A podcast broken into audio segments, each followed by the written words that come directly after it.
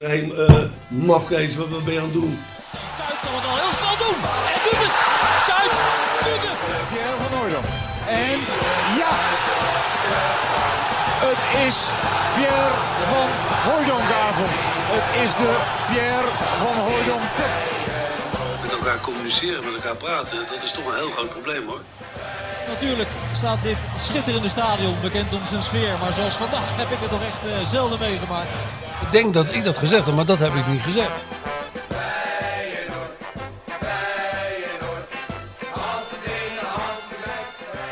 Aflevering 6 alweer van de Feyenoord Dik voor elkaar podcast. En het belooft een, een bomvolle show te worden. Ten eerste koploper. Ten tweede taart. En ten derde onvermijdelijk, maar hij is toch gekomen. De nog niet zo beroemde kunstenaar Eus Rovers. Ja, jij hebt die oproep gedaan vorige week. En ik, ik, was nog niet buiten of meteen al een, een, een, een appbericht van ik ben er volgende week en ik heb iets voor jullie meegenomen. Dus hij is hier nu.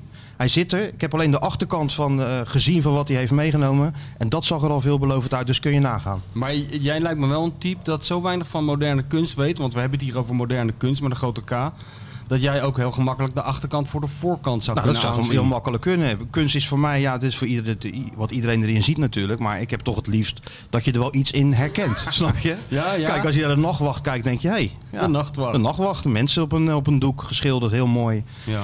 Maar ja, je hebt ook wel eens van die dingen, daar moet je dan zelf wat in herkennen, weet je wel. En dan, uh, ja, dat is dan ook kunst. Dus... Bij Feyenoord ook wel eens, dat je er zelf iets in moet herkennen. Ja, maar daar komen we nog op, want afgelopen zondag was het bij Vlagen kunst. Nou. Maar het is ook wel eens inderdaad geweest dat je denkt van wat stelt het eigenlijk allemaal voor. Maar Eus, Eus wat heb je meegenomen? Ja, het is, Ja, we ja, moeten kom misschien maar, kom even maar. beschrijven hoe we erbij zitten in de huismeester. Ik ga nu, nu plaatsmaken voor de grote kunstenaar. Want Nou, de nog we niet zo beroemde grote kunstenaar. We, we hebben maar twee microfoons eh, bij deze topshow. Dus ik ga gewoon aan de kant. Eus gaat op mijn plek zitten en dan gaan we kijken wat er We gebeurt. hebben nu een, een, een klein intermezzootje tussen kunst en, eh, en, en, en kids. Goedemorgen. Eus, wat heb je meegenomen? Laten we eens Ja, even ik kijken. wil eerst even mijn de grote dank uitspreken voor de, voor de uitnodiging. Want ja, dit, eh, dit is echt wel eh, sowieso al hoogtepunt van het jaar. Nu al, Eh, hè? Ja, ik, heb wel even, ik wilde wel iets maken wat, wat ook betrekking heeft op deze geweldige podcast. Ehm, ik vind dat jullie, als ik het heb over Martijn en Michel, het zeker niet onverdienstelijk doen. Maar er is ja, eigenlijk één echte vedette, één echte ster van de show. En dat is natuurlijk Dizzy. Dus ik wilde iets met een hond. En toen dacht ik, ja, het moet ook iets met kunst zijn. Toen ben ik heel, eh, heel ver gezocht gaan denken. Denk, ik, oh ja, Michel van Ech, Mondriaan. Dus eh, ja, het, eh, ja, ik, ik ga, dat had ik ook nog, want zij, ik weet dat zijn partner Schilderman, dan kan je nog bijna Schilderman. Dus ik dacht aan een Nederlandse schilder. Ja, ja, Kan je nee, niks. nee, nee, nee. Nee, nee. Dus het is uiteindelijk, ja, ik... eh, ik ben heel benieuwd, Eus. In het hoofd van de kunstenaar staat het nooit stil. Ah, dat is toch het, een echte hondriaan. Ik heb er een Ja, is- Hondriaan van gemaakt. eh, een Hondriaan. ik ben er een beetje stil van. Ja, en eh, wel leuk wat eh, Martijn net zei. Hij wilde zichzelf wel herkennen in kunst. Nou, ik, schrijf Nou, hier kan ik wel, ja, hier, jij zegt, dat vind ik altijd prettig aan jouw kunstwerk. Want ik zie ze wel eens voorbij komen Ja. op Instagram. Je zet er altijd bij wat is. Ja, ik heb sowieso tekst, want dan, dan is in ieder geval duidelijk wat het moet voorstellen. Ja, nee, dat is wel zo prettig, ja. Van, ja, ik heb een mooie lijst, want dat vind ik ook wel belangrijk, dat het er gewoon top uitziet. Zeg, Eigenlijk alles is top. Stiften, eh, papier, lijst, behalve de tekening. Die is iets wat eh, knullig. Ja, Maar ik, zie de, ik zie die diepere laag, zie, herken ik er nu ook al meteen Ja, in. Als je, hoe vaker je er naar kijkt, hoe meer, hoe meer eruit komt. Heb ja, je niet? ziet ook een innerlijke reflectie van mijn eh, figuratieve wereldreis. Precies, ja. Zo Het zelf allemaal vrij hoekig, is het? Maar ja. dat, eh, Ja. dat komt dan ook wel heel mooi weer terug. Nee, het is echt eh, prachtig heus. Oké, nou. Ik kan er niks Ja, anders van zeggen. En ik laat het een beetje aan jullie. Waar je Ook een beetje Feyenoord kleuren. Ik zie ja, rood, rood, wit rood-wit en dat zwart. En het oude gele uiternu is erin verwerkt, zie ik. het, weet je, het gouden logo, eh, geel-gouden Het logo. blauwe uiternu. Ja. Ja.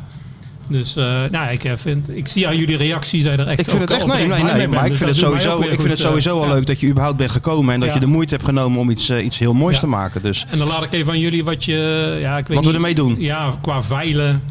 Ja, dan dat zou zal ik niet te inzetten. Dat zal stormlopen, Ja. Denk ik. Als, als we het Maar veilen. eh, misschien een goed doel, eh, iets Nou, ik denk dat, eh, gerelateerd of Casper van Eyck, eh, die, die Ik denk dat de of, eh, bestseller writer deze wel aan zijn, aan zijn muur zou willen hebben, hè, Ja, denk ik. ja, Kijk eens, ja. hij zit al te knikken. Oké. moet eerst met de veiling beginnen, vind ik. Ik vind Casper een goede. Vind ik sowieso Ja, een goed doel. eh, Ja. Zeker in deze tijd. We kunnen eh, kiezen, doen we Ja. Stichting Kasper of doen we Stichting Dik, eh, Help Dik aan de spits of een linksback? Eh, ja, minder geld nodig. Casper heeft minder Hij heeft minder geld nodig, ja. Nee, hartstikke leuk. Eus, nu er toch zit, jij Ja, als, als, als eh, fervent Feyenoord supporter. Het moet voor jou natuurlijk wel een eh, geweldige zondag zijn geweest. Afgelopen zondag. Ja, je mocht er dan Ja. wel niet bij zijn voor het eerst in je nee, leven, nee, denk ik. ik- Normaal gesproken weet je door elk hoekje en gaatje wel binnen te komen. Dan draai je om en dan sta je weer in de perskamer. Ja. Of het nog net niet onder de douche met die spelers. Want je bent overal waar je niet mag komen. Ja. Maar voor jou was het zelfs onmogelijk hè, om te gaan. Ja, ik, dacht, ik, heb, ik heb nog een, eh, een perskaartje met een eh, logo eh, van de NOS. Zo'n soort accreditatie uit 1994. Ja, maar dat ik lukt- denk, dat lukt ik wel. ga toch niet het risico lopen om dan weer als een qua jongen teruggestuurd te worden. Dus ik heb het maar gewoon geaccepteerd dat je er niet bij kan zijn. Maar ja, Willem II heb ik toch vaak gezeten dat het eh, allemaal net, eh, net niet de goede kant op viel. En nou ging het eh, van een leien dakje. Alleen wel weer heel snel op achter, of eigenlijk weer binnen een kwartier weer op achterstand. Dan moeten ze het allemaal weer Ja, repareren. dat is wel viel mooi, mij, hè? Het is nooit helemaal goed. Hè, dat is toch nee, een... maar eh, dat, viel mij, dat viel mij dan op dat ze dan toch. Maar de- vroeger repareerden ze dat niet en nu eh, lopen ze er gewoon daarna toch weer overheen. ja, dus dat, al met al heb je, je hebt een goed gevoel. ik Tot heb, nu toe eh, over ik heb een, ja, ik ben toch wel echt dik advocaat fan. Ook qua, qua persoonlijkheid en weet je, de humor. Je ziet ook bij een doelpunt, dan maakt hij geintjes met de wolf en zo. Ja, ik zie dat graag. In plaats van zo'n heel die- overdreven serieuze trainer. Ja, Dus, nou, die heb je ook, hè? Ja, het is wel eens leuk als iemand ook om zichzelf kan lachen. En, en een grapje ook bij een persconferentie. eh, dus dat vind ik eh, de naamgever van deze podcast ook, eh, ook heel erg goed doen. Dus, eh, Nou, mooi. Eus, ik Ja. zou zeggen, neem een taartje, want eh, ook misschien wel leuk om te oh ja, vermelden. we jullie hebben hadden er drie. Je hadden er drie, dus dan zou Sjoerd... eh, Nou ja, neem jij die van mij. Ik. Neem je nou. die van mij gewoon. Want ja, Ja. dit, eh, we kunnen de, de kunstenaar toch niet met een lege maag. Kijk, ze, ze leven al van niks, hè? Ze leven al van de wind en van. Ja, Tuurlijk, ja. Ja. En heel veel ellende en dat soort dingen. Komen de mooiste, is, komen de eh, mooiste kunstwerken tot, eh, tot stand. Maar nogmaals dankjewel. hartstikke bedankt. Neem een taartje op het koploperschap. Dat heeft Sjoerd natuurlijk goed geregeld. ja. Sjoerd vertelde vroeger op school, eh, kreeg hij altijd taart als, als Ajax verloor en Feyenoord won. Dus Ja. dat is niet heel veel geweest. Dus het zijn altijd hele speciale ge- gelegenheden. En Ja. dit, dit is dit ook. En nu ja, moet je toch helaas weer plaats maken voor de man om wie deze, deze Dat, eh, podcast je moet nu ook je eenmaal plaats draait. kennen. Je moet ook je plaats moet je plaats kennen. en kennen, Dat, eh, dat, ja. eh, dat heb ik in de loop der jaren geleerd. Nogmaals dank en eh, ja, veel succes. eh, maar dat gaat goed. Ja, jij komen. bedankt Eus nogmaals. En hij neemt ook gewoon... Ja, ja, hij had ook kunnen zeggen van... nee, nemen jullie maar... lekker. Nee, nee. Hij is nog niet weg. Hij is, hij is nog niet weg of dat taartje hebt hij al in zijn binnenzak. Ja hoor. En gelijk heeft hij. Mooi hè? Hij is heel mooi. En, en ik vind een taart in ruil voor een Hondriaan, dat lijkt mij een prima ruil. Dus zo ging dat vroeger toch met die kunstenaar. Die Ja, gaven een, kunstwerk. eh, Ik bedoel, volgens mij Het- het rekenen Chelsea- Herman Brood, die rekende daar gewoon hele bonnetjes mee af volgens mij. in, Chelsea eh, Hotel in New York, dat hangt helemaal vol met kunst van mensen die de kamer niet konden betalen. En toen een kunstwerk hebben gegeven. Wat nu tonnen waard is, dat gaat met dit ding ook gebeuren. Let maar op, eh, nu we dit gaan veilen. Ik vind gewoon, mensen moeten gewoon... jij, jij zet het maar lekker op Twitter, ja. een foto hiervan. En dan eh, moeten mensen hun best maar doen. Eh, laat ze maar gewoon een bod doen erop.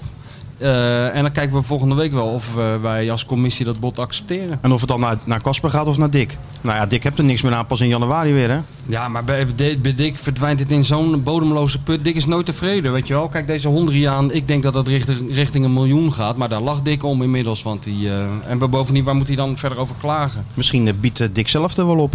Ja, dat zou ook Ja, kunnen. dat zou natuurlijk ook kunnen. Dick doet heel veel voor het goede doel. Hè? Hij heeft een beetje het eh, imago, geloof ik, van... eh, nou, dat weet ik eigenlijk wel zeker. Een beetje het imago van een man die eh, gek is op geld en zuinig is. Maar volgens mij doet hij stiekem, zonder het aan de grote klok te hangen... heel veel voor het goede doel. Ja, natuurlijk. Dick heeft een naam dat hij gierig is. Nou, elke keer als ik met Dick even wat ben wezen eten, of het nou een Fenerbahce was of, of waar dan ook. Altijd de eerste die afrekende was, was Dick. Ja, Cash. ja. Zonder problemen. Zonder met zijn ogen te knipperen. Zonder met zijn ogen te knipperen. Dus daarvan dat imago komt hij waarschijnlijk nooit meer af. Maar Nee. het zou een worst wezen, want het was eh, dik voor elkaar afgelopen weekend. Nou, Heb je, heb je gekeken? Ja, natuurlijk heb ik gekeken. Ja, met, met, met verbazing af en toe. Hoe, eh, hoe goed het ging. Ja, nee, we- helemaal geen klachten over. En eh, ja, we haar- herhalen denk ik een beetje wat, wat iedereen heeft gezegd. Maar vooral die nieuwelingen. Dat was natuurlijk geweldig om dat te zien. Het thema, die, die Texera, die entree van de jongen, deed mij een beetje denken aan Sint-Gionno. Toen die voor het eerst op het veld stond, dan zag je ook na drie keer die bal aannemen, dacht je, aha, dit is Is er een- iedereen met open mond, dat weet ik ook nog wel. ja, dat, dat, dat, dat je gelijk ziet van oké, dit is iemand die snapt het echt. Weet je wel, die is echt goed. En dat is toch altijd wel fijn bij Feyenoord, toch? Dat je er af en toe Maar een dat, tussen dat het dan ook meteen weer zo opvalt. Ja, ja, Dat, dat, dat, dat een of andere. Portugees van eh, Victoria Guimarães die komt binnen en, en, en ja, die zet meteen het spel naar zijn hand. Ja. Nou ja, precies de man die ze nodig had. Een beetje crea- creativiteit. En je zag eh Berghuizen opfleuren. Daardoor volgens mij. eh, en, en voetballers herkennen natuurlijk als eerste een goede voetballer in hun team. Dat zag je, je zag toch wel hoe blij ze met hem waren. En, eh, en die andere aankoop achterin, ja, ook prima toch? Ja, ook prima, ja. Ja, die, die Teixeira, wat je natuurlijk doet altijd, is als er zo'n nieuwe speler bij Feyenoord komt, ga je toch aan spelers zelf vragen. Ja. Want ja, trainingen zijn eh, bijna niet meer te bezoeken. En spelers zijn elkaars barometer. Als iemand goed is, zeggen ze dat. Als iemand slecht is. Zo, zo, zo wisten we eigenlijk ook van tevoren al dat Pelle een succes zou worden. Ja. Eh, die kwam toen nooit. eh, en, en iedereen dacht, wat moeten ze nou met die, met die lange die bij AZ totaal mislukt is. Ja. Maar elke speler na, die, na twee trainingen, zo van, nou, we hebben er nou één. Nou, dan weet je dat dat zit goed. En dat was eigenlijk met deze Teixeira ook wel. Andersom heb je het natuurlijk ook. Hè? En dan kan je het ook vaak zien. Kijk, nu kan je bijna geen, geen trainingen meer zien, omdat het allemaal besloten is. Maar vroeger kwam er natuurlijk wel eens her en der iemand aanwaaien. En eh, ik, ik, moest, eh, ik moest aan een Feyenoorder denken toen ik eh, die jongen in Barcelona een poging zag doen die bal hoog te houden voor, eh, voor de... Cezinho de- Dest. Ja, Jacinho Des moest dat doen. Ik heb het ook een keer meegemaakt toen Feyenoord... ik weet niet of die naam je nog iets zegt. Nam Il Kim. dat was een Koreaanse speler. Hij Dat is, nul... dat is niet de- van Noord-Korea, toch? Nee, dat was... nee. Jong, dat was Jong Il Kim. Ja, ja, precies. Ja. Nou, ze hadden ongeveer dezelfde techniek, denk ik. En ehm, dat was in die tijd van de Chong Guk Song ook, die andere die Ja, ja, ja. ja. Oh ja, dat was die. Dat, dat weet ik nog. Dat was dat aanvalletje met die toen gepresenteerd werd met die kooltrui en dat snorretje. Coltra, Ja, weet ik niet dat meer. weet ik ook nooit vergeten. Ja, dat klopt. Dat was hij. Ja, hij heeft nul wedstrijden voor Feyenoord gespeeld. Volgens mij is toen uitgeleend aan Excelsior. En, eh, maar ik kan me nog herinneren dat die jongen moest natuurlijk ook gepresenteerd worden. En eh er moest zo'n filmpje worden gemaakt door Feyenoord TV. Daar hadden ze die jongen meegenomen naar, eh, ik geloof het ergens bij Hotel New York. Die moest ook die bal hoog houden. En dat mislukte direct. En die bal die rolde ook heel lullig van die kade af het water in. Maar en er was ook geen tweede bal. Niemand had verwacht dat de nieuwe aankoop van Feyenoord er niet in zou slagen die bal hoog te houden. Dus eh, daar moest ik wel aan denken toen ik, eh, toen ik die des zag. Dus je, soms zie je ook aan spelers gelijk wel van...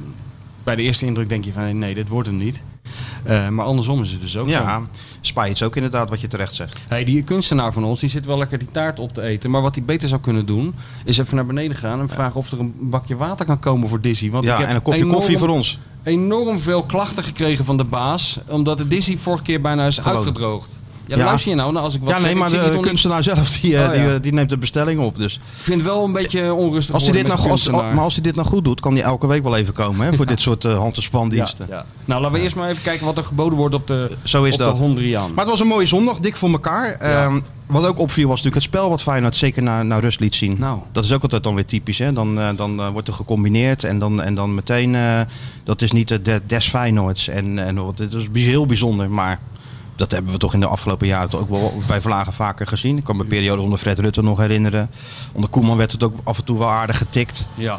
Dat, is, dat is toch... Maar ja, eh, goed, Fred Rutte, Koeman, wel een tijdje geleden ja, dat is wel weer, een hè? tijdje geleden. Daar heb je ook wel weer gelijk in. Eh, maar het was sowieso een hele opmerkelijke middag in allerlei opzichten. Ook die opstelling toch, in feite. Een Ja. beetje eh, ingegeven door de omstandigheden. Maar ook, als ik het goed begrijp, is het nu vier man achterin. Een man daarvoor, weer vier man en dan een man daarvoor. Ja. Nou, dat is inderdaad... eh, ja. Ja, toch? Ja, opeens is Ja, dat jij, kan weer, zo, eh, jij kan zo... eh, Ik kan zo aanschuiven. Analist worden, ja, Oh, natuurlijk. ja, dat, het is maar net, kijk, verstand van voetbal. Ik vraag me af of het überhaupt bestaat. Het is maar net met hoeveel aplomp je het allemaal brengt, weet je wel. Je als moet je er- ja, zelf in gelooft. Ik zelf geloof er niet in, in mijn eigen verhaal. Maar als je dat wel doet, dan kan je zo overal Ja, aanschuiven. daar kan je overal aanschuiven, ja. ja. Nee, kijk, dit, dit is ook wel grappig. Deze opstelling is natuurlijk tot stand gekomen omdat hij het niet in Bozenik ziet zitten. Nee. Dus hij heeft heel de week getraind met, eh, met Linsen in de spits. En eh, ja, tot zijn eigen verbazing eh, liep dat wel aardig. Nou, in die zin dat, dat, ook, hè? Wat zeg je? Ja, Hij hij miste veel, veel, maar eh, ook op trainingen kwamen daar wel kansen en eh, en s- uitspelsituaties uit voort. En dat zag je tegen Willem II natuurlijk ook. Hij is niet groot, die Linsen. Hij is niet sterk, maar hij gaat elk duel aan. Hij springt overal. En hij, wel- hij heeft ook een hele vervelende eigenschap voor tegenstanders dan. Is dat hij in elk duel elke tegenstander net even een tikje geeft. Weet je Ja, wel? ja, dan kon je tijdens die, die voorbereiding kon je dat heel goed zien. Dat speelde nu nog aan de zijkant. En er kwam zo'n bek in balbezit. En, die, en op het moment dat hij dan de bal vooruit speelde, zat net die Linsen er nog even met zo'n tikje onder. Ja. Dus vroegen we advocaat natuurlijk wel. lekker hè, zei Ja, Dick dan. ja, ja. Lekker hè, zo'n speler. Het was Van Hanegem ook gelijk opgevallen. Hè? Die zei dat ook volgens mij eh, to- toen er werd gevraagd naar die aankopen. Zei hij, ja, dat is echt Ja, het is een klerenleiertje. Ja. Ja.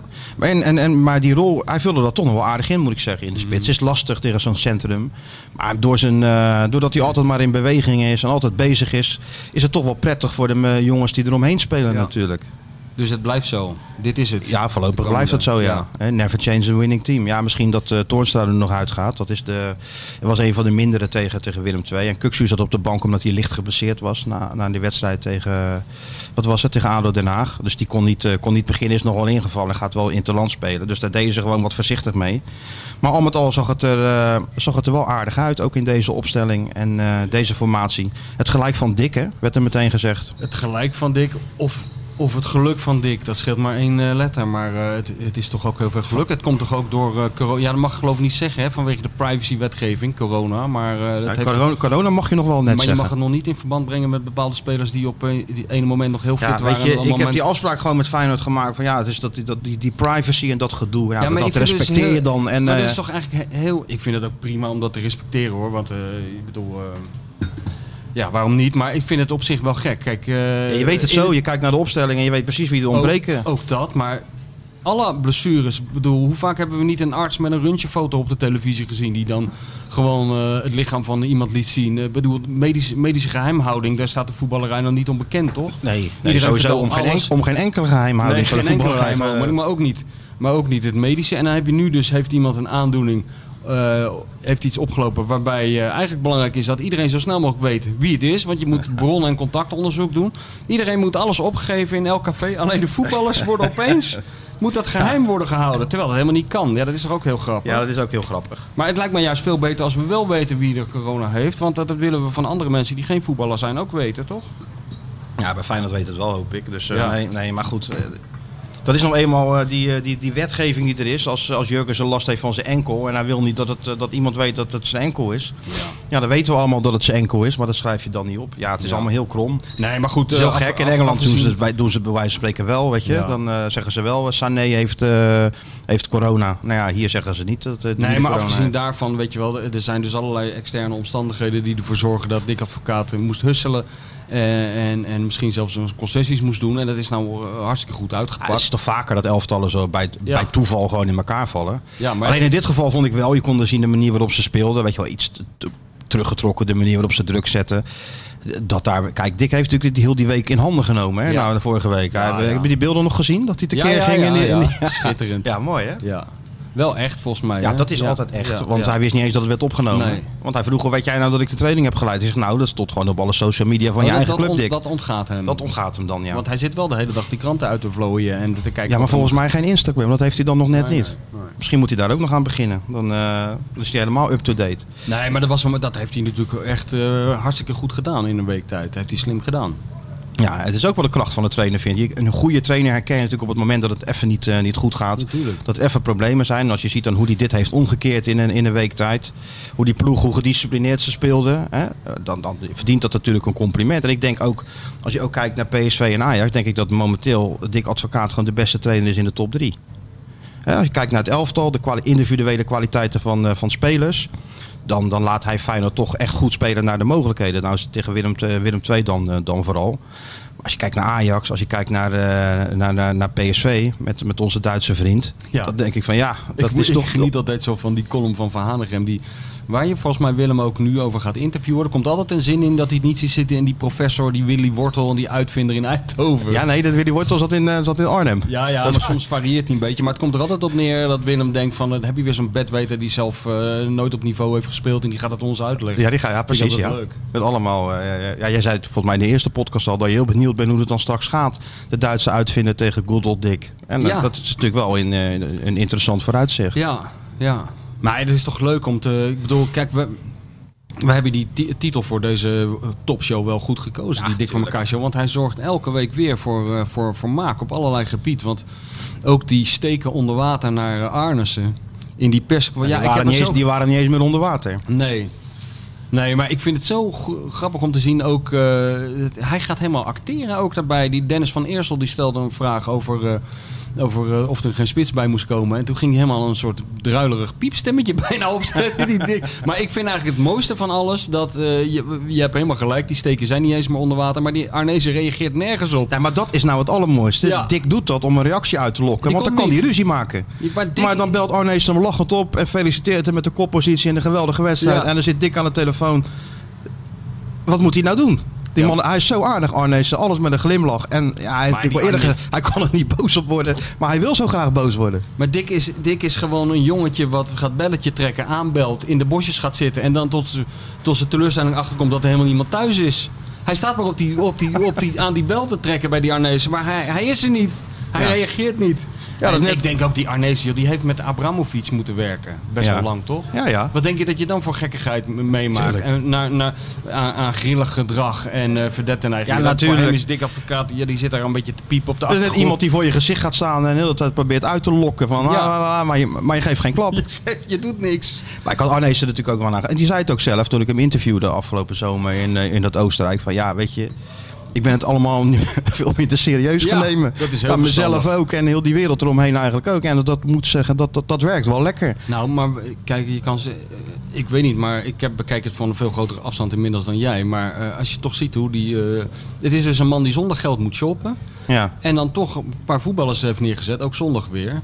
Die gelijk eh, Zeker. renderen. Ja, Sterker en ook- die de boel op sleeptouw nemen bijna. En, en ook nog moet proberen om die opleiding een beetje op gang te Ja, krijgen. En tot- dat onder ook tot 21 irritatie elftal. van Dick. Ja, ook tot irritatie van Dick. Maar het moet, moet wel gebeuren. Ja. Dus laten we zeggen dat die, dat die man niet de meest makkelijke baan van Nederland Nee. heeft.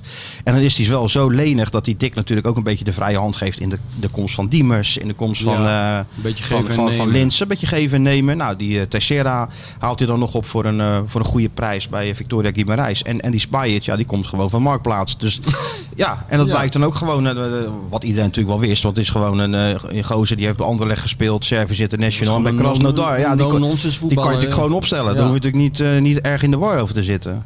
Nee, maar dat vind ik ook wel mooi dan, hè? dat verschil in, in, in spelers. Van, dus we hebben aan, aan de ene kant Jurgensen die op yoga zit en meditatie en diëten en weet ik veel wat hij allemaal doet. Die En aan de andere kant de. Servische En dan killer. heb je eh, onze Servische vriend, die gooit even de spieren los, twee, twee drie trainingjes, die gaat er staan, doet verder niet moeilijk en die doet zijn werk. Die doet zijn werk, ja. Andere positie natuurlijk hoor. Dat is ook zo. ook wel, maar eh, karakterologisch eh, Ja. is het natuurlijk weer een hele scherpe observatie. hè? God, nou hè, en het is nog zo vroeg op de Het is nog zo vroeg. En ondertussen moet ik ook Disney in de gaten houden. Ja, en je moet taart Of er eten. al water moet is voor doen. Disney, Ja, er is water voor Disney, maar dat zal ze waarschijnlijk al op hebben. Want dat bot goed, was, was, ze ook weer het maar record weer gebroken. Die druk heb ik ook, weet je wel. Ik voel de baas van Disney over mijn schouder meekijken natuurlijk. Hè. Als, als Disney wegvalt, en het is een soort berghuis eigenlijk, dan kunnen we in principe opnieuw beginnen. Maar Disney is inderdaad een berghuis, ja. Maar die wordt ook met dezelfde EK's behandeld. Kan je wel zeggen, ja, Disney heeft eh, ook clausules denk ik en zo en dat soort dingen. Maar laten we daar maar verder niet over hebben. Nee, nee. Want, eh, Privacy. privacy. Privacy-wetgeving. En ja, goed, geweldige uitslag. Kijk, eh, we kunnen nu twee dingen doen. We kunnen het helemaal plat analyseren en heel kritisch gaan zijn en zeggen dat Willem II natuurlijk een ideale tegenstander was voor Feyenoord. Hè, omdat ze de Adrie Kosten de poort wagenwijd openzetten. Al, dat Feyenoord alle ruimte kreeg. Maar laten we gewoon de, de stijgende positieve lijn die we hebben ingezet, dacht ik. Nou, Ge- hè, ik laten zou- we die ik- gewoon even doortrekken. Ik nu. zou daar in jouw geval een beetje mee uitkijken met die positieve lijn. Want jij bent, begint nu zo positief te worden dat mensen beginnen te vermoeden dat jij of heel zwaar aan de drugs bent. Of dat er iets Of geks dat, ik- in of je dat ik, een oranje, dat ik een oranje pak aan heb getrokken. Ja. En, eh, Weet, jij bent heel positief. ja, het is, ik, Voor jou ik, doen. ik wist ook niet dat ik het in me had. Nee. Dick doet gekke dingen met mensen. Ja, ja, ja. We zitten op deadline day. Ja. Deadline day, tenminste in Nederland dan. Mhm. Want eh, de rest van Europa is volgens mij al dicht. Alleen. Portugal en Nederland zijn nog open. Begrijp jij een beetje die opwinding rond van mensen op zo'n dag? Ja, tuurlijk wel. En, en helemaal in deze tijd. eh, in deze tijd kan je elke afleiding, denk ik, gebruiken. Met corona, met Trump, met de economische crisis die eraan komt. Ik, ik merk dat eerlijk gezegd aan mezelf ook. Weet je wel, ik ben. Mijn, mijn, mijn liefde voor voetbal en mijn gevoel voor voetbal, mijn interesse erin, dat fluctueert een beetje. Ja, ja. Dus ik heb er soms ook wel eens tijden bij dat ik het eigenlijk helemaal zat ben. Ja, dan ga je er ook even uit. En dan gaan we. Gaan Dan ga je achter, even- achter, achter Patty gaan aanlopen een achter jaar lang. Patty Bart aan. En dan kom je weer terug. En dan ben je ook weer fris. Weet je wel, dan zie je weer, dan kan je je weer verbazen over dingen en zo. Maar ik merk nu wel aan mezelf dat. eh, ik denk toch dat het door die corona komt. Dat mijn interesse in het voetbal in zijn algemeenheid enorm is opgewekt. En ik grijp elke gelegenheid aan om de meest stomzinnige nieuwtjes te gaan zitten lezen. Zolang ik maar niet eh, van, die, van die berichten krijg over hoe, hoeveel mensen er nou weer dood zijn of opgenomen in het ziekenhuis. Ja, ja. Dus ik denk dat die transfermarktgekte eh, daar eh, ook wel in die behoefte voor ziet. Hè. Het, het gaat de hele dag maar door. Maar goed, ik denk wel dat het wel leuker is om te volgen als je erbij betrokken bent. Jij bent er ook een beetje bij betrokken, want jij Ja, wil ja. al die nieuwtjes als eerste brengen. En dat vond ik vroeger ook altijd leuk als je daarmee bezig was. En nu Nou, jij wist altijd als eerste alles vroeger natuurlijk, hè? Nou, dat, dat Je bedoel, ja, nou, je zat bij Feyenoord in. Ja, ja, op een gegeven moment was het... Ja, maar dan had je weer andere problemen, weet je wel. Dan had je weer... Vooral op het eind was dat bijvoorbeeld de transfer van, van, van Persie naar Arsenal. Ja. Ja, die mocht gewoon niet uitlekken via Feyenoord, want dan zou die hele transfer niet doorgaan. Dat, stond, dat staat allemaal in de, in de eh, kleine lettertjes in de contracten, weet je wel. Dus dan, Ja, daar ben ik heel nauw betrokken bij geweest. Ja. In die zin, bij die transfer toen. nee, precies. Dus soms maar dat is je wel een keer een ander verhaal. Dat is wel eh, ja, hoe dat gaat. hoe dat ging. Hè. Ja. Hele, hele tochten door Rotterdam van hotel naar hotel. En dan kwam de, de afgevaardiging van Sevilla. En die dachten alles in kannen en kruiken te hebben. En dan, eh, Ja, nee, maar dat is het was mooie. prachtig, was dat, ja. Ja, je hebt, je hebt, je hebt zo'n gozer gehad uit... Kwam die niet uit Costa Rica of zo? Ledesma? Ja? Een speler ja. waar zowel Ajax als Feyenoord Klopt. achteraan Die werd op, op, op Schiphol aan zijn oren naar Rotterdam getrokken, volgens mij. Nou, naar Amsterdam. Of Amsterdam, Of, nee, nou, of naar Rotterdam. Dat weet Naar ik nou Rotterdam. niet meer. naar Amsterdam Ja, zo was het, ja. ja. Jorien eh, en die kwamen elkaar toen tegen op Schiphol. De twee bestuursleden, ja. Dat, dat zijn natuurlijk wel mooie dingen. Dus dan is die transfergekte is, is toch hartstikke vermakelijk. Het leidt lekker af van al die ellende. Het is ook van, we krijgen natuurlijk eh, heel veel vragen eh, over. Uh, nou, Berghuis gebleven. Ja. Dat zat er natuurlijk ook wel in, omdat eh, het, het, het steeds korte dag werd. En dat er geen club is geweest die zich officieel heeft gemeld. Dus wel beweging. Dat vind ik dus ook heel grappig. We hebben er dus nu al, hoe lang hebben we het al over die Berghuis? Ja, maar dat- dat is gaat toch- hij gaat die weg? Gaat hij, nee, hij gaat niet Hij weg, gaat want niet weg. niemand wil hem hebben. Nou ja, ze willen hem wel hebben, maar nu nog niet. ja, nou oké, niemand wil Maar daar dus zijn we toch even lekker van de straat mee, toch? Ja, ja, ja. nee, ja. goed, ja, er was geen club officieel. Ook al was die, eh, heeft hij die clausule dat er van, vanaf 8 miljoen gepraat mag, eh, mag worden. En je moet ook niet vergeten, en ja, dat merk ik wel bij heel veel supporters. Die denken, ja, Berghuis heeft de clubs voor het uitkiezen. Maar zo is het natuurlijk ook niet. Nee. Hij wordt 29. Bij Watford is het niet gelukt. Ja. Hij heeft geen restwaarde, zoals dan, eh, hoe, hoe dat dan oneerbiedig heet. Dus clubs die eh, kunnen hem daarna eigenlijk niet meer verkopen. Nou, dat is 8 miljoen best nog wel een, een, een, Ja. een flink bedrag. Voor een speler die het eh, ook nog maar moet laten zien natuurlijk in iedere willekeurige andere competitie. Want in Engeland is het, eh, is het, is het niet gelukt. Dus dat maakt het wel gecompliceerd. En daarom snapte ik wel dat de clubs zoals eh, eh, Miami, die, van, van, eh, van, Ja. van Beckham die ploeg, dat het op termijn voor hem natuurlijk wel een aardig... een aardig ploegje kan zijn in een, Ja. in een stad waar hij graag op vakantie gaat. Met eh, die allure die er allemaal bij hoort. Want ze willen daar natuurlijk echt wel iets, eh, iets, iets gaan neerzetten. Dus wie weet dat dat in, eh, in, in januari of, of daarna wel van de grond kan, Oh, maar dan krijgen we in komen. januari krijgen we dat hele toneelstuk opnieuw. Ja, nee, in januari beginnen we weer helemaal voor, al heigerig van voren af aan natuurlijk met al die, met al die nou, gekkigheid. dat, dat vind ik wel... is dat dan te veel voor je? Ja, te, nou, te kort achter nee, elkaar? omdat de hele tijd wordt die speler ernaar gevraagd en die kan niks zeggen. Dus dan krijg je 24 keer Berghuis die zegt, ja nee, er is dan niemand, niks officieel. Bla, bla. ja. Daar word ik wel moe van. Nee, nee ja, goed, ze hebben er in ieder geval alles aan gedaan. In die zin dat hij wel is aangeboden bij, eh, bij verschillende clubs. Maar nogmaals, het is, het is corona. Het geld ligt ook niet, Nee. klotst ook niet over de plint overal. Je ziet ook heel veel huurdeals en dat soort gekkigheid. Daarover gesproken. Ja, maar we moeten er toch blij mee zijn als, als, Ja, als liefhebber. Ik denk, denk iedereen hier, eh Sjoerd, blij toch dat hij eh, blijft. Ja, zit- Sjoerd zit gewoon weg te Ja, dommelen. Ik dommel, luister ja, hem. Kunstenaar ook blij. Kunstenaar, ook Kunstenaar blij. steekt, steekt duim Die op. zit alweer te- in, in het proces van de volgende, volgend kunstwerk. Hè? Je ziet het helemaal. Ook veel vragen over Zirkzee trouwens. Een Ja. speler die ooit bij Feyenoord binnen was. Maar die, ja, die is niet eens een contract aan, eh, aan, aan, aanboden of, of konden bieden. Omdat hij eh, geen perspectief zag bij, eh, bij, bij Feyenoord. Kwam van ADO Den Haag en vertrok daarna vrij snel. En is bij Bayern München terechtgekomen. Daar gewoon gespeeld ook. Champions League medaille in zijn binnenzak. Ja. Dat is toch ook ongelooflijk hoe die carrières. Daar komen we misschien straks nog wel even op. Ja. Ja, eh, huren. eh, Berghuis is gebleven, er is geen euro. Nee. Ik heb Arnes er gisteren nog naar gevraagd. Die zei, als Berghuis blijft, is dit de groep waarmee we het doen tot het, eh, in ieder geval tot januari. Want ja, als technisch directeur leef je natuurlijk ook van window naar window. En daar is hij heel tevreden over. Dus ik ga er niet vanuit dat, eh dat uh, Zirkzee wordt gehuurd door, door Feyenoord. Ja, of er moet nog ergens een pot goud worden, worden gevonden. En ik hoorde trouwens, eh, of ik begreep dat dat ook niet iedereen daar even enthousiast over was, gek gezegd. Dus Nou, ja, je moet ook gek, ja. ja, nou ja, goed. Je, je weet, weet jij veel hoe het tijdens die vergaderingen gaat. Nou, trouwens- weet ik eigenlijk helemaal niet. Hoe dat, eh, dus dat vraag ik me dus heel erg af hoe dat gaat. Ja, ik via Zoom. van, maar maar dan, zou je niet aan jezelf gaan twijfelen als die jongen gewoon bij Bayern München eh, gewoon heel snel in het eerste staat en dat ook eh, ja, natuurlijk. goed Ja, maar doet. dat is bedoel, niet de enige. Er zijn wel veel meer spelers van Feyenoord die natuurlijk weg zijn gegaan. En die elders, eh, of het nou Vincent Janssen of Idrissi of noem ze allemaal maar op. Ja. Ja, Idrissi gaat voor eh 12 miljoen exclusief bonussen naar Sevilla. Ja. Ja, het is natuurlijk niet te voorspellen in de jeugd hoe een carrière kan lopen. En ik snap ook wel dat je af en toe beslissingen moet nemen. Maar af- soms is het ook wel pijnlijk. Hè? Spelers soms die je zelf in huis had. Die, ja, eh, en dan kan je er ook wel later op terugkomen. Je hebt dus die jongen, je zag het niet zitten toen hij jong was. Nou, dat kan gebeuren. Maar die jongen laat nu zien op het hoogste niveau dat hij, eh, dat hij het wel kan. En dan denk ik van ja, dan, dan moet je ook een beetje terugkomen op je beslissing. En eh, als dat kan, maar goed. Ik had het wel mooi gevonden natuurlijk. Maar Ja. goed, als er, het is eigenlijk heel simpel. We kunnen deze podcast heel kort houden. Als er geen geld is en Arnezen zegt, eh, de knip zit dicht, dan is het gewoon, ja, kan Dick springen wat hij wil. Normaal er gesproken gebeurt wel, gewoon ja, niks. tuurlijk. Ja, kijk, Dick had natuurlijk wel een, een spits gewild. Het is geen geheim dat hij contact had met, met Lens. Dat is zo'n speler die er eigenlijk overal mee naartoe nam. Hè? Ja, ja. Waar hij naartoe ging, Lens moest mee. Net als, eh, net als zijn assistenten. Dat Net als uh. Jelko, Petrovic, Korpot. Ja, dat, Ja. dat wisselde uh, Bert van Lingen. Ja, Bert daar, van wi- Lingen, ik had het idee dat dat een soort poeltje was. Ja, De ene ja. keer mocht Petros mee, de Petro mee, de andere keer mocht Pot mee. Begin van Lingen, daar ging natuurlijk overal mee naartoe.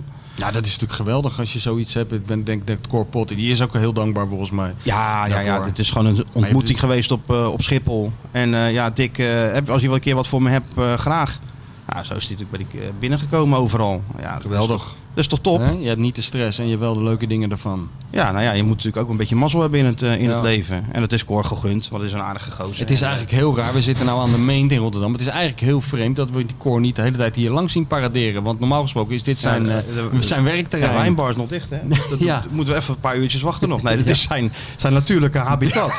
dit, dit, is, dit, is waar, dit is eigenlijk waar Cor eh, floreert. De, die paar kunnen eh, we, vierkante kunnen we meter dit van de meent niet gewoon eh, me- de de Corpotweg noemen? Corpot-allee. Kop- ja, het allee geeft wat meer, dat geeft wel meer show eraan. Avenue de Corpot. Avenue ja. de Corpot. Dat zou wel... eh, Dat zou wel mooi zijn, ja. ik denk dat Cor daar zelf ook wel eh, oren naar heeft.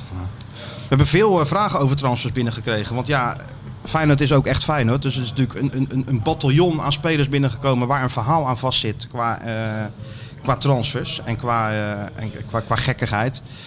Ehm, hebt het draaiboek waarschijnlijk niet gezien, dus ik zal, eh, ik, zal het lijstje even opnoemen. Nou ja, als, als dat die verzameling eh, losse kreten die jij eh, mij op zondagnacht toestuurt, als dat het draaiboek was, dan heb ik het gezien. Heb je het gezien? Ja. Maar heb je het ook tot je genomen? Of Nou heb ja, je ik het heb alleen het even bekeken. Ik dacht, hij is weer lekker bezig geweest, die Martijn. ja, tussen alle andere werkzaamheden door. Hè? Dat Ja. ik gewoon, omdat, jij, omdat jij een draaiboek wil, doe ik een, gewoon een draaiboek. ja, ja. Ik sta volledig in dienst van de bestseller-auteur, zoals dat dat, dan zo netjes heet. Ja, dat is ook mijn kracht, joh. Een dienende, een dienende speler. Ehm, ja, heb, heb je een, van- een naam ertussen gezien waarvan je denkt van... eh, ja, dat vond ik ook wel een opmerkelijke Feyenoord transfer. Eh, waartussen? Dus wat tussen die maar- namen die ik jou in Oh in ja, nou, heb gestuurd. gezegd, daar, daar heb ik niet zo goed... Ja, er zijn natuurlijk heel veel gekke transfers eh, geweest in, de, in de loop der tijd. Ehm, eh, er zijn ook spelers getransfereerd die helemaal nooit één bal hebben aangeraakt bijvoorbeeld. Ik weet niet of mensen dat weten, maar bijvoorbeeld... Ooit is Guy van der Smissen gepresenteerd door Feyenoord. Ken je die speler nog? Van Ja, ja, Standaard, ja, ja, uit de tijd van, van. Tamata en Sigurd ja, ja, ja. Vinson en zo. En die is, daar is een foto van dat hij en Tamata en, en eh, een speler uit Volendam, wiens naam ik nou vergeten ben, die ook werd gekocht, eh, is, wordt gepresenteerd met Feyenoord shirt aan. En, maar die heeft nooit één bal geraakt, ook nooit een training, eh, want die, die was betrokken bij dat eh, omkoopschandaal destijds van Ja. Luik. En die was toen geschorst door de Belgische bond, maar die wist niet dat die schorsing ook in Nederland gold. Ja, want dat was gold natuurlijk ook voor, eh, voor Gerrits toen. Ja, Er Gerard, was al natuurlijk die- één iemand die, zich aan, die zat al in Hongkong. Ja, dat was eh, de man met de beste advocaat. Arie. Arie Haan. Die, die zei Arrivederci en die zat opeens in Hongkong. ja, die zat terwijl de rest in de rechtszaal in Brussel zat. Dat is, een, dat is Arie niet in dank afgenomen. Hè? Nog een hele grote verdwijntruc was dat. Een rookbommetje en weg was Arie. Ja. Ja. Maar eh, dus, eh, nee, er zijn, er zijn natuurlijk heel veel gekke, gekke aankopen geweest. eh. Nou, En, Radio Vietmar krijg ik een vraag hierover. Van, Ja. van, van Wilbeert. Dat is natuurlijk ook wel een verhaal apart geweest. Hè? Ja. Maar dat eindigde met een rechtszaak. Kan je dat Ja, nog herinneren? Of nou niet? ja, dat was een, dat was, ja, ik kan me nog wel herinneren dat hij was, kwam volgens mij van Standaard Luik. Hij was topscorer in België volgens mij geworden. In ieder geval topscorer van Standaard Luik. Hele aardige gozer. Die voetbal echt als werk benaderde. Dat kan ik me nog herinneren. Die zei van ja, ik loop hier niet voor mijn lol. Hij kwam met Adelaide. Hij zei ik ben hier niet voor mijn lol in Europa. Ik wil in de kort mogelijke tijd zoveel mogelijk geld verdienen zodat ik in Australië een, eh, een bungalowpark, geloof ik, wilde die beginnen met een vriend. Later heb ik gehoord dat hij is opgelicht door die vriend. Dus al dat geld wat hij bij elkaar had gevoetbald was volgens dat op. werk voor niks geweest. Ja. Maar dat kreeg natuurlijk nog een enorme nasleep, omdat eh, dat was eigenlijk de, de bron voor de hele Fiat-affaire toen. Hè. Het ging over de vraag over in welk land de belasting moest worden betaald over die transfer. En dat is toen gigantisch uit de hand gelopen. Dus eh, er zijn nog wel natuurlijk mensen bij, eh bij Feyenoord die, die, die eh, en banend in het zweet wakker worden bij het horen van de naam Vietmar. En Ja. heel veel doelpunten heeft hij ook niet gemaakt. Nee, dat ook niet. Dit was de zoveelste spits die het moest gaan doen. Ja. Nee, hoe is dat toen afgelopen? Weet je dat nog? Die uitspraak? Of, eh, de Fieldzaak ja, bedoel ja. je? Nou ja, is geschikt uiteindelijk, toch? Ja, maar Jorien is natuurlijk ook... Er wa- was ook een zaak tegen Jorien. En die is tot aan de Hoge Raad is die vrijgesproken. Ja, Maar Jorien was heeft- toen ooit boos, weet ik nog, dat Feyenoord eh, die Fieldzaak toen eh, ging, ging schikken. Weet je dat ja, nog? ja, ja, Voor ja. 10 of 15 miljoen. Ja, klopt, nou had ik van belang zoals leven Nee. nooit gedaan. Een soort schuldbekend, die schij uit. Nee, maar goed, dat heb je natuurlijk. Dat, dat, dat geluid van hem hoor je ook als hij wel eens wordt gevraagd om zich in die stadiondiscussie te mengen. En dan heeft hij ook, ook weer het idee van ja, er wordt niet hard genoeg voor de club gevochten. Weet je wel, voor de belangen van de club. Daar moet je gewoon, je moet gewoon proberen constant het onderste uit, eh, uit de kant te halen voor Feyenoord. Daar, ja, je kan zeggen van die man wat je wilt, maar dat heeft hij natuurlijk altijd wel gedaan. Een naam die mij ook opvalt in het lijstje wat we hebben binnengekregen is van, eh, van Jorian. Dat ging over Stefan Babovic. Dat is Ja. natuurlijk ook wel een apart verhaal. Door zijn pa gehaald, door zijn pa betaald. Ja, Feyenoord, hè? Feyenoord had weer eens geen geld. Had een speler nodig. En eh, ze kwamen uit bij, eh, bij Stefan Babovic. Wat Ja. een wereldgozer bleek te zijn toen Ja. hij eenmaal binnen was natuurlijk. Ja. Maar die werd dus betaald door zijn vader. Die ook nog eens even voor een paar jaar een, eh, een box nam in het stadion. Ja. En, en zo kwamen ze aan deze speler die overigens zo verschrikkelijk vol van zichzelf was. ook, Ja. Dat het ook gewoon leuk werd. Ja, weet je ja. wel? Maar dat is altijd goed natuurlijk. dat is hè, goed. je, eh, ja, wa- wat ik, ook, wat ik ook leuk vind is als je spelers die, die gewoon eh, afgetest zijn en zo. En die, ik, ik kan me nog herinneren dat ik, ben een keer met eh, John de Pater, de, de Feyenoord-fotograaf, moesten, gingen we naar een trainingskamp. We begonnen meer, ik denk Tenerife of zo. En toen werden we gebeld door Feyenoord en die zeiden van, eh, we hebben een Amerikaanse keeper eh, op proef. En eh, die, eh, er is een tussenstop en bij die tussenstop zit hij in de wachtruimte. Kunnen jullie die meenemen? En toen vroegen we je van, eh, ja, hoe heet hij dan? Ja, Joe Cannon heette Joe. Cannon. Goede naam ja, toch? goede naam. Ja, ik weet hem nog. En, en, eh, hoe herkennen we hem? Toen zeiden ze van, nou, dat zie je vanzelf. Het ziet er echt, ziet er echt uit als een Amerikaan. Dus wij kwamen in die wachtruimte en er zat inderdaad zo'n gozer, precies zoals je het voorstelt. Kauwgom kauwende man met een honkbalpetje op. En eh, wij in dat vliegtuig met hem en een beetje praten. En toen zeiden we tegen hem van, god, het is, dat is wel heel bijzonder voor jou, hè, dat je nou... dat je straks gaat eh, samenspelen met, eh, met Pierre van Hooijdonk en zo. Eh, Pierre wie, zei hij. Geen idee wie Pierre van Hooijdonk. Toen vroegen we van Willem van Hanegem. Heb je daar wel eens van gehoord? Had hij er nooit van gehoord. Toen zeiden we van, maar je weet toch wel dat Feyenoord twee jaar geleden de UEFA Cup heeft gewonnen? Was hem totaal onbekend. Must be a pretty good team then, zei hij. ik zeg, ja, kan je wel zeggen. Ja, de beste van Europa in dat toernooi, weet je wel. En toen ging die keeper, kon er, kon er vrij weinig van. Maar dan moest ik kan me nog herinneren, een enorme showman. Moest een foto worden gemaakt. John de Pater zegt, kan jij even daar gaan staan? Hij zegt, is het niet leuk als ik gewoon in een plas met, daar staan. plas met modder duik? Toen ging hij nog even een half uurtje in de modder liggen rollen. Ook een figuur, weet je wel. Die Ja, heeft dat kreeg John de Pater wel voor elkaar. Ja. Die Ja, ja. eh, tijdens het trainingskamp eh Gary Steels wel eens tot zijn middel in de zee laten lopen voor de foto. Ja. Met, eh, met, met 4 graden. Ja. Nee, maar dat, in die categorie heb je dus ook de spelers die niet gekomen zijn. En daar is in de Feyenoord geschiedenis zitten daar ontzettend grote namen Komen we straks nog eventjes op. Daar hebben we ook een heel lijstje van. Maar dat zijn inderdaad leuke geleuken. ja, die Babovic ook. En eh, ja, om daar nog even op terug te komen. Die, de- nogmaals, die was zo vol van zichzelf. Wat je die, het eh, eh, ABN tennis toernooi met, met Djokovic. Wat natuurlijk een wereldster is. Ja. Ja, ja, twee Serviërs onder elkaar. Dus Rijmond had geregeld dat Babovic ging dan naar Djokovic. En het zou een hartstikke leuk item worden. Dus Djokovic, eh, nou, die vond het wat Babovic was. dat, dat was wel iemand in Servië. Dus die Djokovic had er ook wel zin in. En die stond dan te wachten tot Babovic kwam. Maar die kwam helemaal niet in Babovic.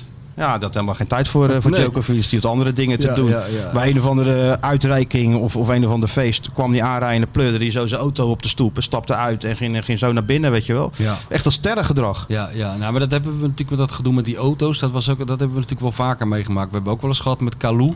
Ja, Bonaventure Kalou. Die kiss ging, and ride. Ja, die ging op vakantie. Die zette zijn auto bij Kiss and Ride. Vlak voor de deur van Schiphol. Die stapte in het vliegtuig. Die ging eh, drie weken naar Ivoorkust. Die kwam terug. Die dacht, hé, mijn auto is weg. Die heeft toen een taxi genomen naar huis. En een nieuw gekocht. en na drie weken kwam de club erachter, geloof ik, dat die auto... Vroegen ze, waar is die auto? Hij zegt, geen idee. Ja, ik heb hem bij Schiphol neergezet. Had al, had al een nieuwe gekocht. daarna nooit meer gezien. Ja, heerlijk als je zo bent. Ja, het blijft ook wel een mooi spel, die, eh, die, eh, die transfers. En ja, we krijgen elke week wel vragen voor de man die we zo gaan bellen. Eh, die eigenlijk een meester was in het eh, afdwingen van, van een transfer op het juiste moment. Ja. En hè, En die ook genoot volgens mij van die dat genoot spel. van het hele spel. En, eh, en ja, een van de vragen is dus van wat had Pierre van Hooydonk gedaan in de situatie van eh, Steven Berghuis. Hebben we hem al aan de lijst, Sjoerd? Of moeten we nog even... Wat zeg je? We moeten hem nog even bellen. Nou ja. Hallo? Hallo? Hij staat heel zacht. Ben jij dat, Pierre? Ja, dat ben ik, eh Martijn. Ja, nou, eh, je staat hier echt heel zacht. En nu gaat het wel iets beter. Hoe is het? Met mij gaat het goed, met jullie ook? Ga, met ons gaat het ook goed. We Ja, hebben het gaat alweer. goed, Pierre. Michel zit er ook, hè? Ik kan jullie best goed horen met die, eh, ondanks die mondkapjes. Ja, we hebben een, niet echt een mondkapje voor, maar zo'n zo'n schermpje Zo, voor, die, voor die microfoon. Maar het lijkt er wel op. Wij zijn bijna familie van elkaar, Pierre. Wij, zijn, wij vormen bijna één gezin, Martijn, eh, Martijn en ik. Dus we hoeven bijna geen mondkapjes meer op. Nee, dat maakt het allemaal niet meer uit. Hey, we bellen je, want we krijgen elke, elke week wel vragen voor je. En eh, je bent natuurlijk eh, druk, dus je- ik ben blij dat je, dat je nu even de tijd hebt. We zitten midden in de, in, in de window. En ehm, een van de vragen was dat, dat ja, jij bent toch wel een specialist op het gebied van, eh, van transfers. Omdat je altijd op het juiste moment wel de juiste transfer hebt, hebt gemaakt. En de vraag was, wat had jij gedaan in de situatie van, van Berghuis? Gezien zijn leeftijd. Nou, allereerst moet je afvragen natuurlijk of je een keuze hebt. Je, je kan wel transfer maken, maar als er eh, geen club is die eh ja, de transfersom op tafel eh, wilt gooien die, ja, die, die ervoor nodig is, ja, dan, dan, dan heb je ook die keuze niet. nee. Dus dan, dan, ja, dan is het vrij makkelijk, denk ik. Dus soms heb je die keuze natuurlijk wel, maar ben je ook afhankelijk van een club die wel of niet wil, wil meewerken. Jij bent er toch altijd in geslaagd om dan toch zo'n zo'n transfer te maken of te, of te forceren. Hè?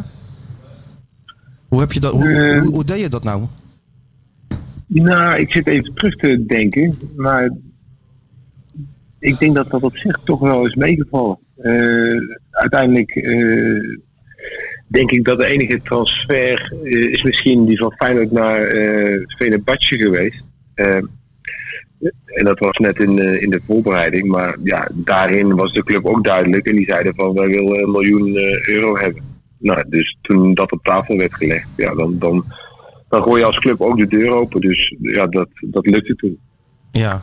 Maar goed, je gaf altijd wel op tijd aan, ook, ook intern, dat je, Ja. dat, dat je het wel wilde. Nou, als ik eh weet je, deze transfer waarover ik het net had, die wilde ik.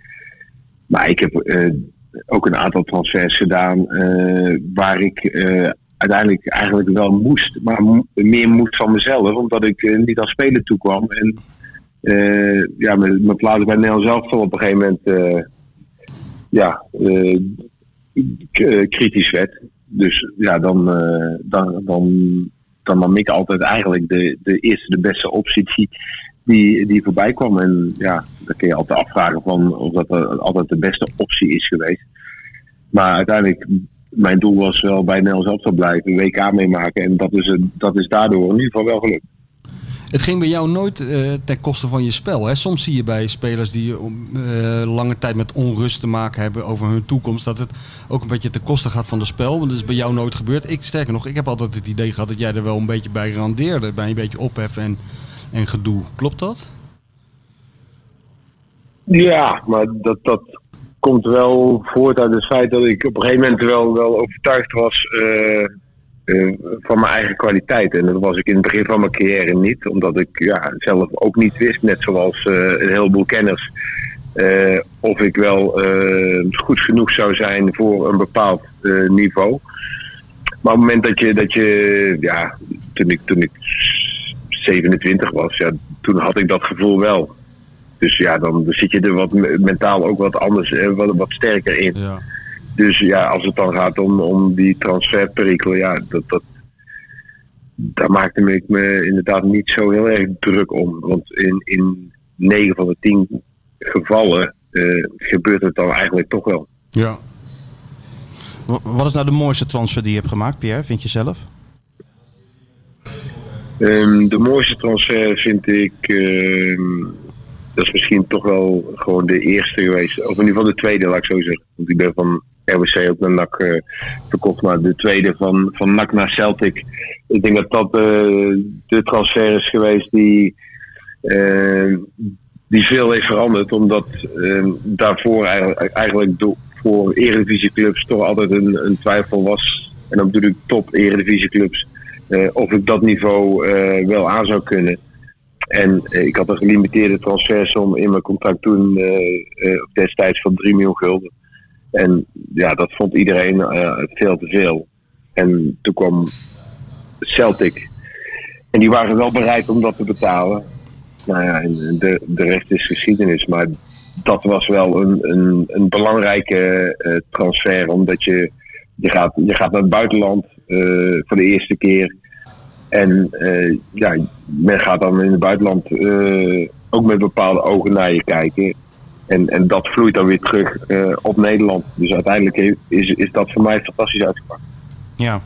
En de, de, de transfer van Feyenoord kan ik me nog herinneren. Dat, dat was eentje die in de sterren geschreven stond. Hè?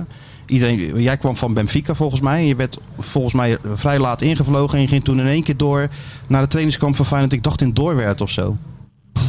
Ja, maar, dat- maar dat klopt. Eh, maar dat was eigenlijk al, eh, al, al een tijd lang was dat rond. Alleen ik eh, zou van Benfica nog een, nog een flinke som geld krijgen. En dat, daar, dat, daar heb ik op gewacht. En dat was in overleg toen met Feyenoord. En, en die zeiden ook van oké, weet je, zodra dat betaald is, dan, dan, dan sluit je aan. En ja, zo is het ook gegaan toen. Dus je werd met dat koffertje naar Rotterdam gevlogen. En eh, gelijk gaan trainen. En, eh, en de rest Twee is ook koffertjes. geschiedenis. Twee koffertjes. ja, je moest Twee in het midden zitten. Hey, Pierre, nu, nu, eh, ik kan me nog herinneren in je Feyenoord tijd dat je af en toe een klein, heel klein blond jongetje bij je had. Je zoon. Eh, die is nu ook bezig met contractonderhandelingen. Eh, althans, dat heeft hij nou net afgerond. Jij adviseert me daarbij, neem ik aan, eh, op de achtergrond. Of laat je het hem helemaal zelf eh, uitzoeken? Nee, nee, nee, tuurlijk, eh, tuurlijk adviseer ik, eh, Ja. adviseer ik hem daarin. Het zou ook raar zijn als ik dat, als, ik, als ik dat niet zou doen. Ja, het zou ook heel raar zijn als je hem niet adviseert om ook de volgende stap te zetten die zijn vader heeft gezet. Namelijk richting de Kuip ooit een keer, of niet? Nou ja, weet je, hij heeft een groot gedeelte van mijn carrière niet direct meegekregen. omdat hij toen nog niet geboren was. Maar ja, de Kuip is voor hem een, eh, wel een bekend eh, station. Hij was er altijd. Hè? Hij liep er altijd rond. Ja, eh, ja toen, hij, toen hij drie was en ik in mijn eerste periode er was, toen trok hij het eh 45 minuutjes en dan gingen daarna de speelgoedautootjes over de kuipstoeltjes.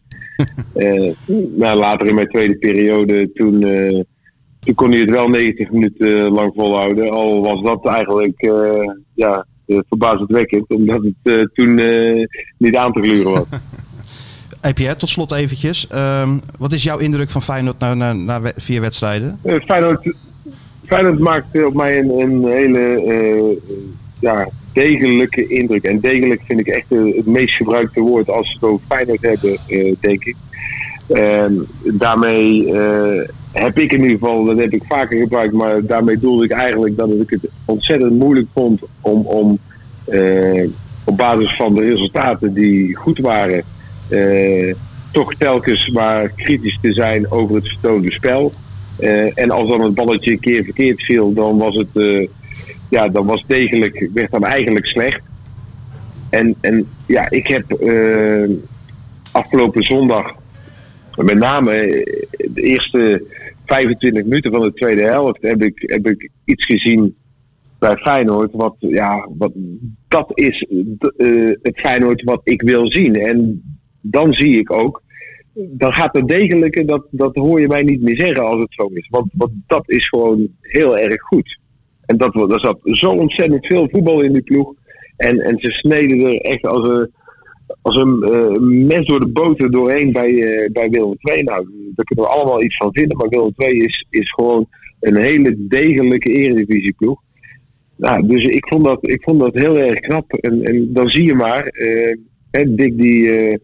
die wilde nog, nog graag een spits bij. En waarschijnlijk nog een spits. En, en misschien nog wel een spits. Maar je, je, je kan er ook creatief door worden als je, als je niet tevreden bent over degene die in de spits bij je staat of stond.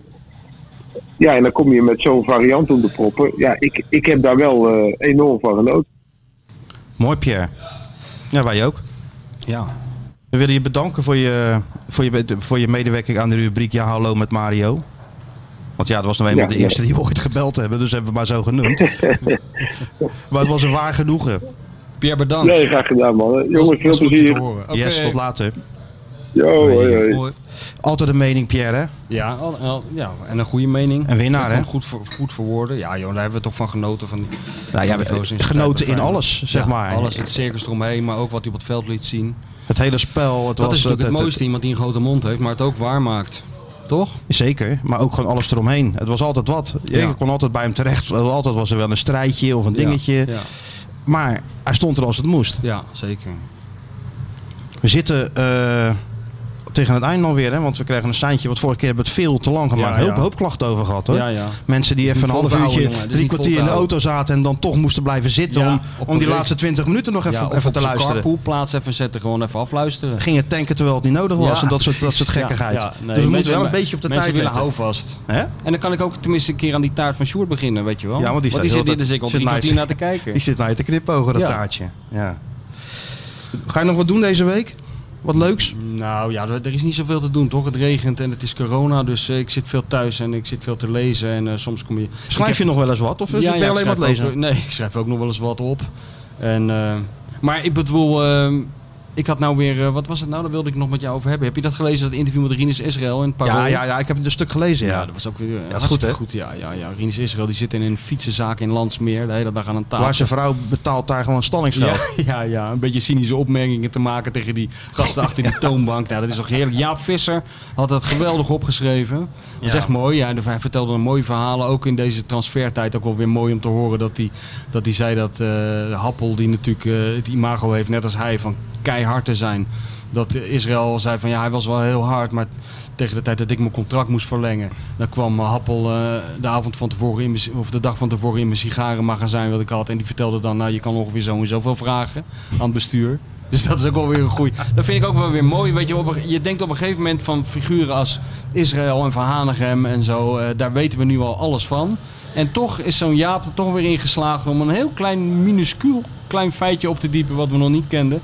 En ik heb daar weer van genoten. Dus Dat was een mooi stuk. ja, was, eh, was Dat je vrouw stallingsgeld betaalt om, eh, om je even, even, even uit huis te hebben. Ja. Nou Zou ja. er iemand st- stallingsgeld voor Eus hebben betaald? Want hij zit er nog Hij gewoon... zit er heel ontspannen bij, ja. maar, maar, maar in dat hoofd gaat het natuurlijk maar door. in het hoofd, dat draait Dat- het maar dat- door. Van, dat-? Dat gaat maar door. Ja, hij Wat- had nog een vraag voor nou, Pierre, wat maar voor dat is een beetje voor vraag voor Pierre had je opgehangen. Ja? Ja, Dat- dat nee, heeft hij dat toch ik gevraagd? Ja, maar hij, nee, hij hoorde de kon het niet antwoord niet. horen. Nou ja, het is... eh, Nou ja, we hebben, hebben we nog wat dingen van het draaiboek niet behandeld. Ja, we hebben We dus hebben- eigenlijk de hele lijst niet gehad van mensen die nooit zijn gekomen. Die is eigenlijk mooier dan de lijst van spelers die ooit wel zijn gekomen. Love, Nou nee, maar ik Timo het... George Hadji, Ja, nee, maar... Ja, Wanderson, Bas Dost. Had jij er nog één dan? Om nou, mee ik af had te het sluiten? meer over Pelé en Gerd Muller. Er is nog in het archief een, een, eh, van joh. Feyenoord... Ja, ja, er is een telegram van Guus Broks aan, eh, aan Pelé... of aan het management van Pelé en, eh, en aan Santos... of, of Pelé zin heeft om eh, naar Feyenoord te komen. En? Nee, had geen zin in. Maar ehm Gerd Muller hebben ze wel gesproken. En ze hebben in... De bomber. een- ja, en in 71 hebben ze Cruijff al... dat heeft Fred Blankenmeijer wel eens... Kijk, ik vind sowieso... Er mag geen podcast voorbij gaan zonder dat de naam Fred Blankenmeijer valt. Dus nu heb ik weer even gelegenheid om hem in herinnering te roepen. Maar die heeft in 71 al onderhandeld met Johan Cruijff... om, om hem naar de Kuip te halen. Eh, en eh, ze wisten wel dat het gevoelig zou liggen. En toen, er was een, een transfersom die gold voor buitenlandse clubs. En toen hebben ze een constructie bedacht waardoor- waar, waarin Johan Cruijff zou worden uitgeleend aan Waregem in België. Ja, en dan zou Feyenoord hem na een half jaar eh, zou die naar Rotterdam komen. En dat is toen met Waregem is dat niet gelukt. En toen hebben ze het nog met Barcelona zelf geprobeerd. En het eind van dat liedje was dat Johan Cruijff een zevenjarig contract bij Ajax tekende voor heel veel geld. Waardoor hij de best betaalde voetballer van Nederland werd. En iedereen in Rotterdam het idee kreeg dat ze een beetje waren misbruikt voor de onderhandelingen. Maar Fred Blankenmeijer heeft me verteld dat hij en Kerkem in, eh, ik geloof dat het het Witte Paard heet. eh, Een restaurant of zo, hebben onderhandeld in 71 met Cruijff. Dus ja, we hebben Pelé misgelopen, we hebben Gerd Müller misgelopen, we hebben Cruijff, Cruijff niet, want misgelopen. Cruijff heeft het goed gemaakt Ja, 13 jaar later, heeft later, eh, later goed gemaakt, maar is echt in, echt in zijn toptijd, toen hij nog topfit was. Nou ja, die was toch fenomenaal toch in het Ja, hij was wel fenomenaal, maar één ding eh, kan je niet zeggen dat hij topfit was. Want hij moest vier dagen na de wedstrijd helemaal opgekalefaterd worden lichamelijk. Hij trainde bijna niet, hij lag alleen maar op de behandeltafel. Maar hij speelde op zondag de Sterren van de Hemel, dus het maakte niks uit. Dat maakt er niks uit, nee. Nee. Ja, is goed zo. Ja, je zit er een beetje suf geluld bij, ik Martijn. zit er helemaal suf geloof Je bent- bij. ik, Ik, ben- merk, jij bent eh, helemaal onder de indruk van. Ik weet niet hoe dat komt. Waar je door ik was bij Veronica vrijdag. Ik ga nou, eh, hebben we straks een eigen deadline show bij, Ja, eh, ja, bij, zit bij Voetbal hoofd, International. bij Vanavond bij. Fox en dan ben ik wel helemaal moe van mezelf geworden. Oh, zit je in zo'n in zo'n vakje bij Fox? Zit ik in zo'n vakje, ja. ja, ja. Dan Ja, waarom dat zitten jullie in godsnaam... Het lijkt wel Nou, of jullie zitten gewoon- gedetineerden We zijn. zitten gewoon aan de tafel. Ja, ja. Maar dat wordt dan in vakjes geschoten of zo. Dat ziet, er- ziet er heel apart uit. Ja, en dat is, is het slechtst het bekeken format. programma van Fox. dat is het eh, slechtst bekeken, maar misschien wel best beluisterde. Want het gaat ook in een soort podcast een Oh, dag oké. later. Hè? Dus, eh, dus ja, nee, eh, live zullen er weinig mensen kijken. Maar ik begrijp dat het best goed eh, beluisterd wordt. Maar er gaat dus geen dag voorbij dat de mensen niet naar jouw zoetgevoiste stemgeluid ja, de ene week ben ik het. En ik verwacht jou deze week toch ook wel weer een keer bij Jinek op één of weet ik het waar. Of heb je niks? eh, nee? Nee, nee, nee. nee, Geen mening? niet, niet over Trump of niet over... eh, De- nee, ik heb er wel mening over, maar is mij nog niet gevraagd om dat uiteen te zetten. Ik neem aan dat er binnen, kan nooit lang meer duren. kan nooit lang meer duren, nee. nee. Oh, nee. Er gebeurt er nog wat op Feyenoord gebied? Kan ik me nog ergens op verheugen? Ik denk, Arne is er gesproken. Ik heb hem nog een, eh, een berichtje gestuurd net. Dus kijken of, daar, of hij daar op heeft gereageerd. Die man wordt ook gek van jou. Die wordt gek van mij. Maar ik doe het gewoon even keurig volgens het boekje. Even kijken. Nou ja, net een, live in de podcast een appje binnengekregen van Arnezen. Ja? Hallo, het is prima. Er gaat niks meer gebeuren. Zo. Dus elke Feyenoorder kan nu rustig zijn oogjes dicht doen. Heerlijk, even op de bank gaan liggen of, Nou. of werken of eh, Oh. wat dan ook. Of aan een kunstwerk gaan, eh, gaan, gaan Eus is ook werken. helemaal mens. Eus is helemaal dat? opge, Hij is opgelucht. En, eh, ontspannen. bij Feyenoord gaat niks meer gebeuren. Lijkt me een mooi einde van, Ja. deze, van deze podcast. Iedereen een prettige week. Bedankt voor de reacties. En volgende week eh, zijn we er weer. Hey, eh, mafkees, wat, wat ben je aan het doen?